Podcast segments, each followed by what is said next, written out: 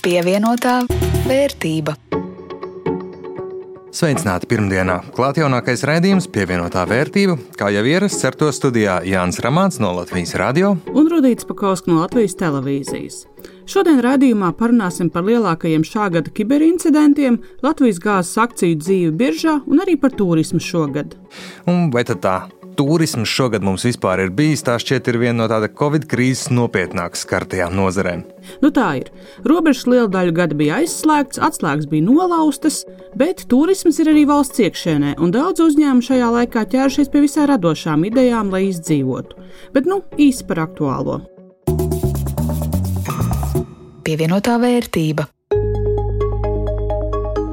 Kas notiek ar cenām un kas notiek ar eksportu?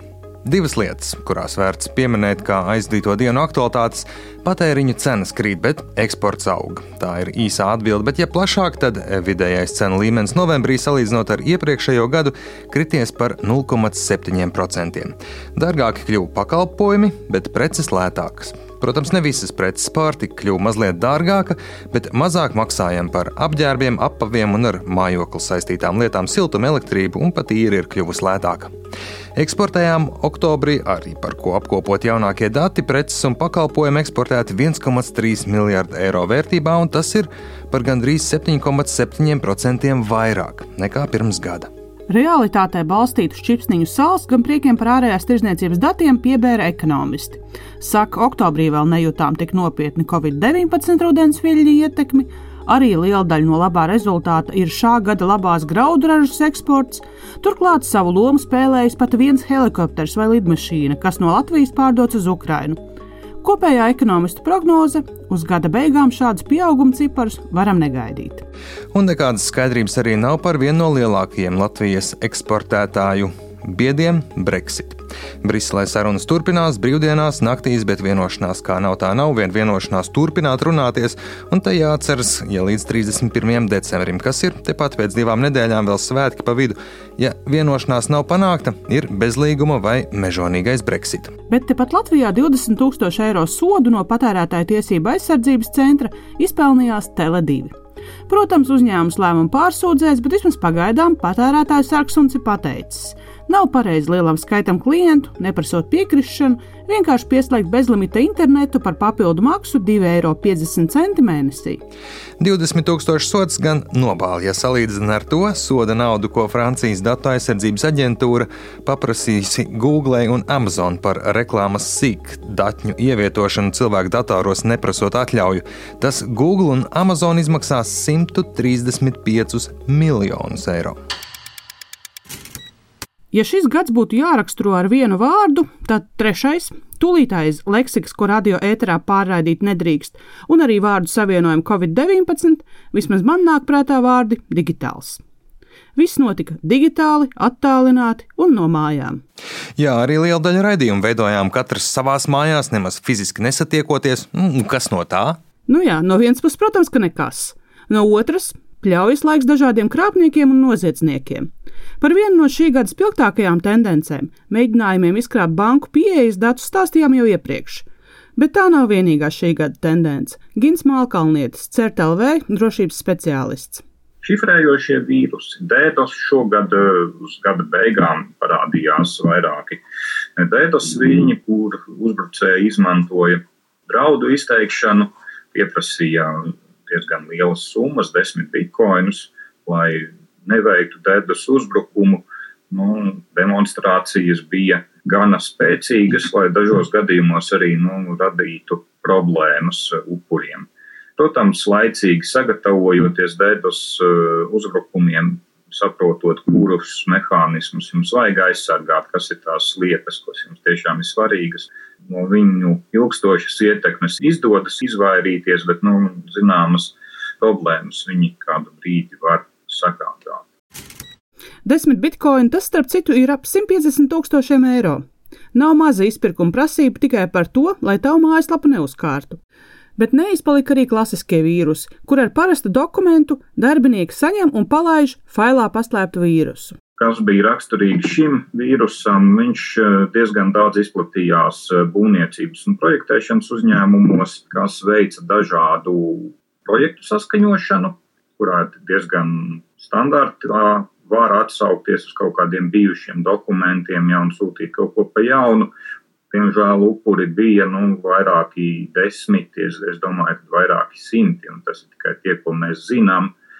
Kas viņam ļāva tik labi izplatīties, bija arī tāda interesanta funkcija, kad viņš lietoja reālu e-pasta sarakstes paraugu, kurā bija atstāts piemēram, pat oriģinālais šis te kaut kāds pielikums, bet pielikts papildus vēl kāds pielikums, vai arī pievienots vienkārši jauns pielikums, kurā bija jau minētie makro dokumenti, kurus uh, atverot jau upuri viņus aktivizēja. Šī gadījumā paveicās lielā mērā ar to, ka uh, šis nebija šifrējošais vīrus. Viņš vāca e-pasta paskastītes saturu, vāca kontaktpersonas no jūsu e-pasta klientiem un datora. Bet, ja būtu šifrējošais, tad, ja vien laiks nav noglabāts failu kopijas, meklē bitkoinus, lai nošifrētos datus no ļaundariem atpirktu. Un šogad ar jaunu spēku atgriezās arī mēģinājumi izkrāpt paroles, liekot tās ievadīt viltotās lapās. Uzbrukums bija mērķēts uz tiem darbiniekiem, kas strādā ar uzņēmumu sociālo tīklu kontiem. It sevišķi Facebook bija tā platforma, piekļuvi kuram ļoti daudzi zaudēja, tāpēc, kad um, uzķērās uz phishingu, kas um, bija noformēts kā nu, teiksim, kaut kāda vēstule no Facebook ar uh, nepieciešamību pārbaudīt, piemēram, autortiesību pārkāpumu, kas ir noticis jūsu kontā, vai pārbaudīt, teiksim, kaut kādu verifikācijas kodu.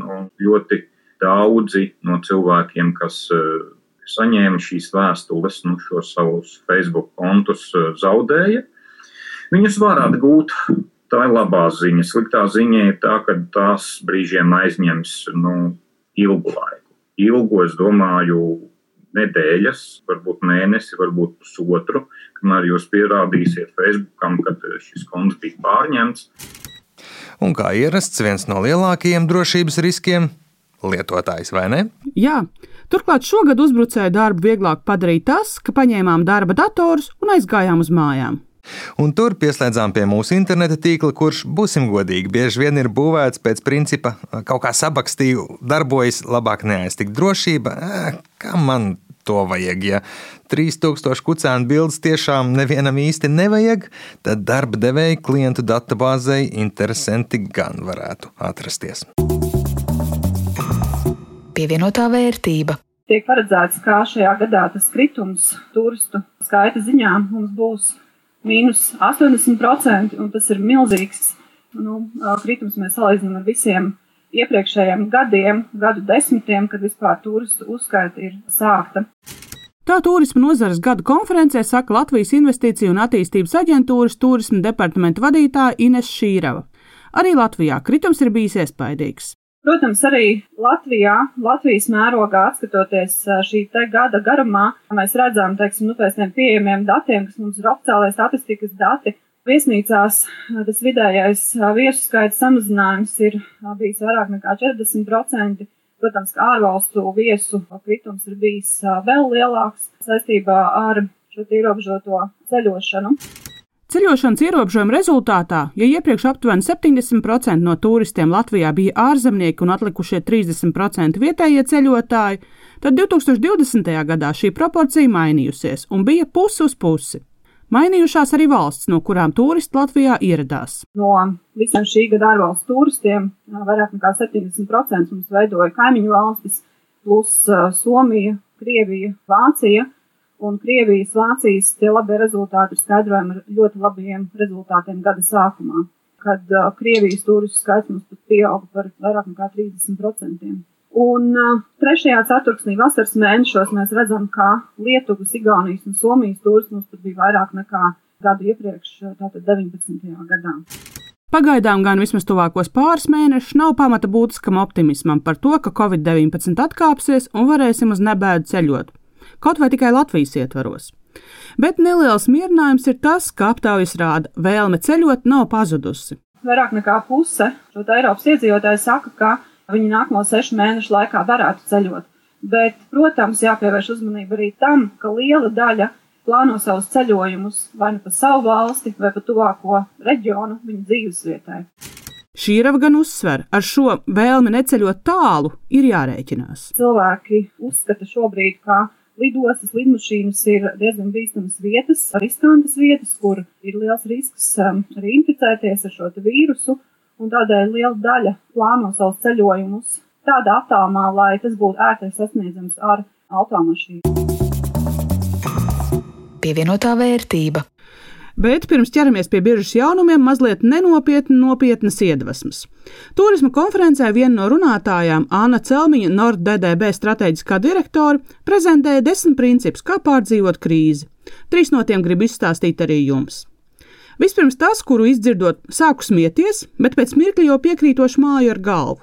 Saucās tīrības teātrītis. Bet kas tas ir? Skaidrot celmiņu. Organizējiet tīrības teātrī. Kas tas ir? Nu, man nav jums jāatgādina par drošības un higiēnas standartiem, kas šobrīd ir ļoti būtiski. Kāpēc tas teātrī? Es runāju par tādu kā scenogrāfisku šo lietu, kas ir tīrība un higiēna likšana priekšplānā. Kāpēc?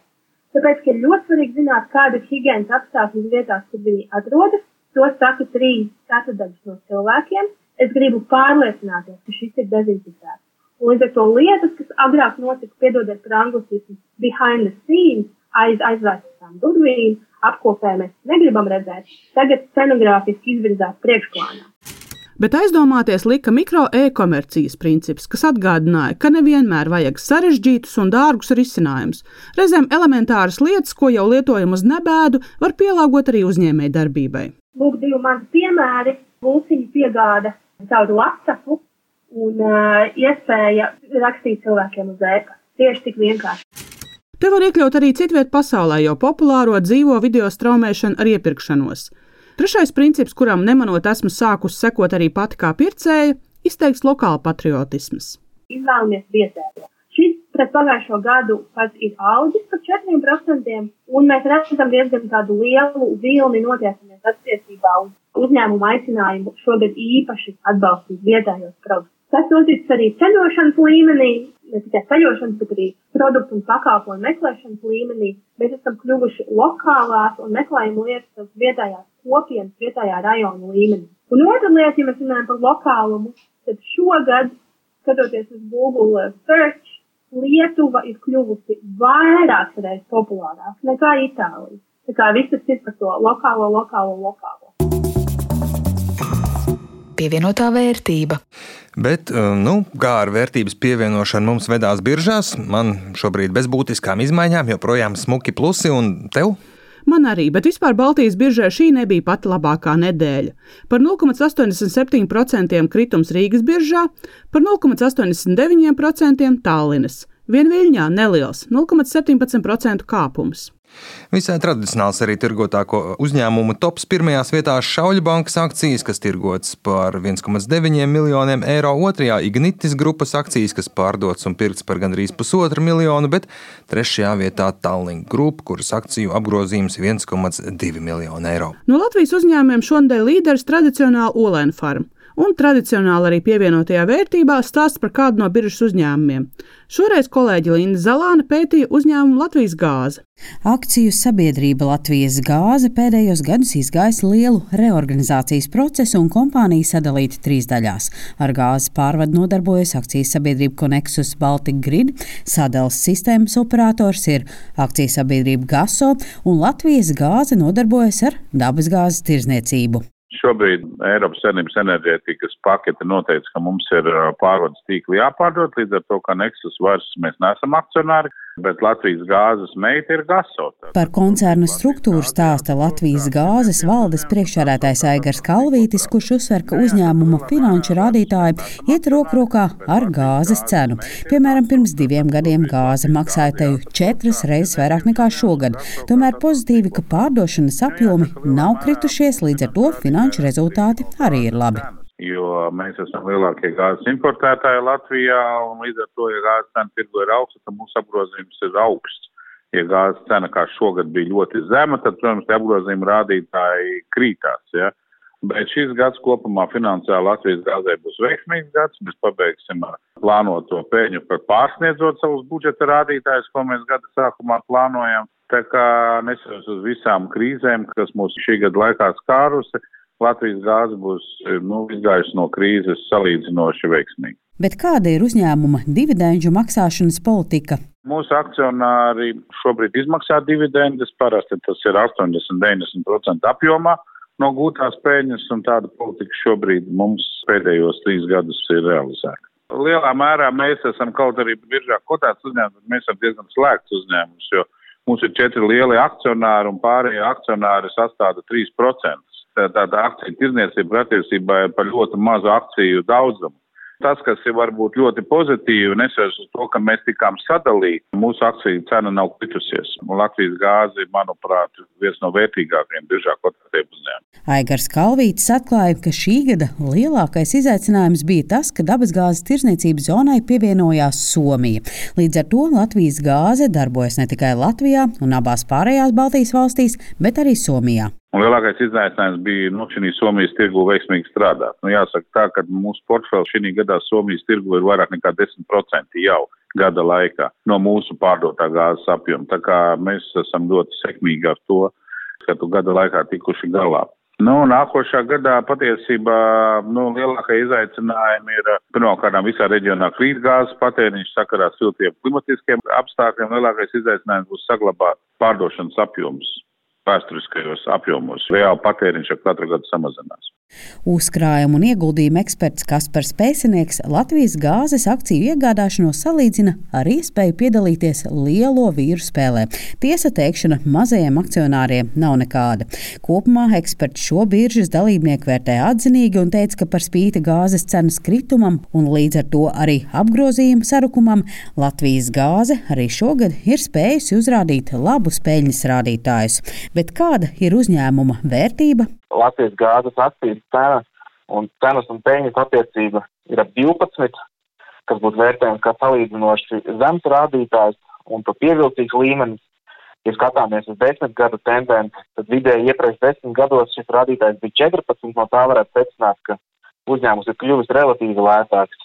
Bilants vērtība uz šī gada 30. septembri bija 9,62 eiro uz vienu akciju, kas ir tikai nedaudz zemāk nekā pašreizējā cena biržā. Un kopumā kompānijas vērtību var vērtēt kā atbilstoši, tā nav ne dārga, ne arī tik lēta, lai tas kalpot kā īpašs iemesls tās akciju iegādēji.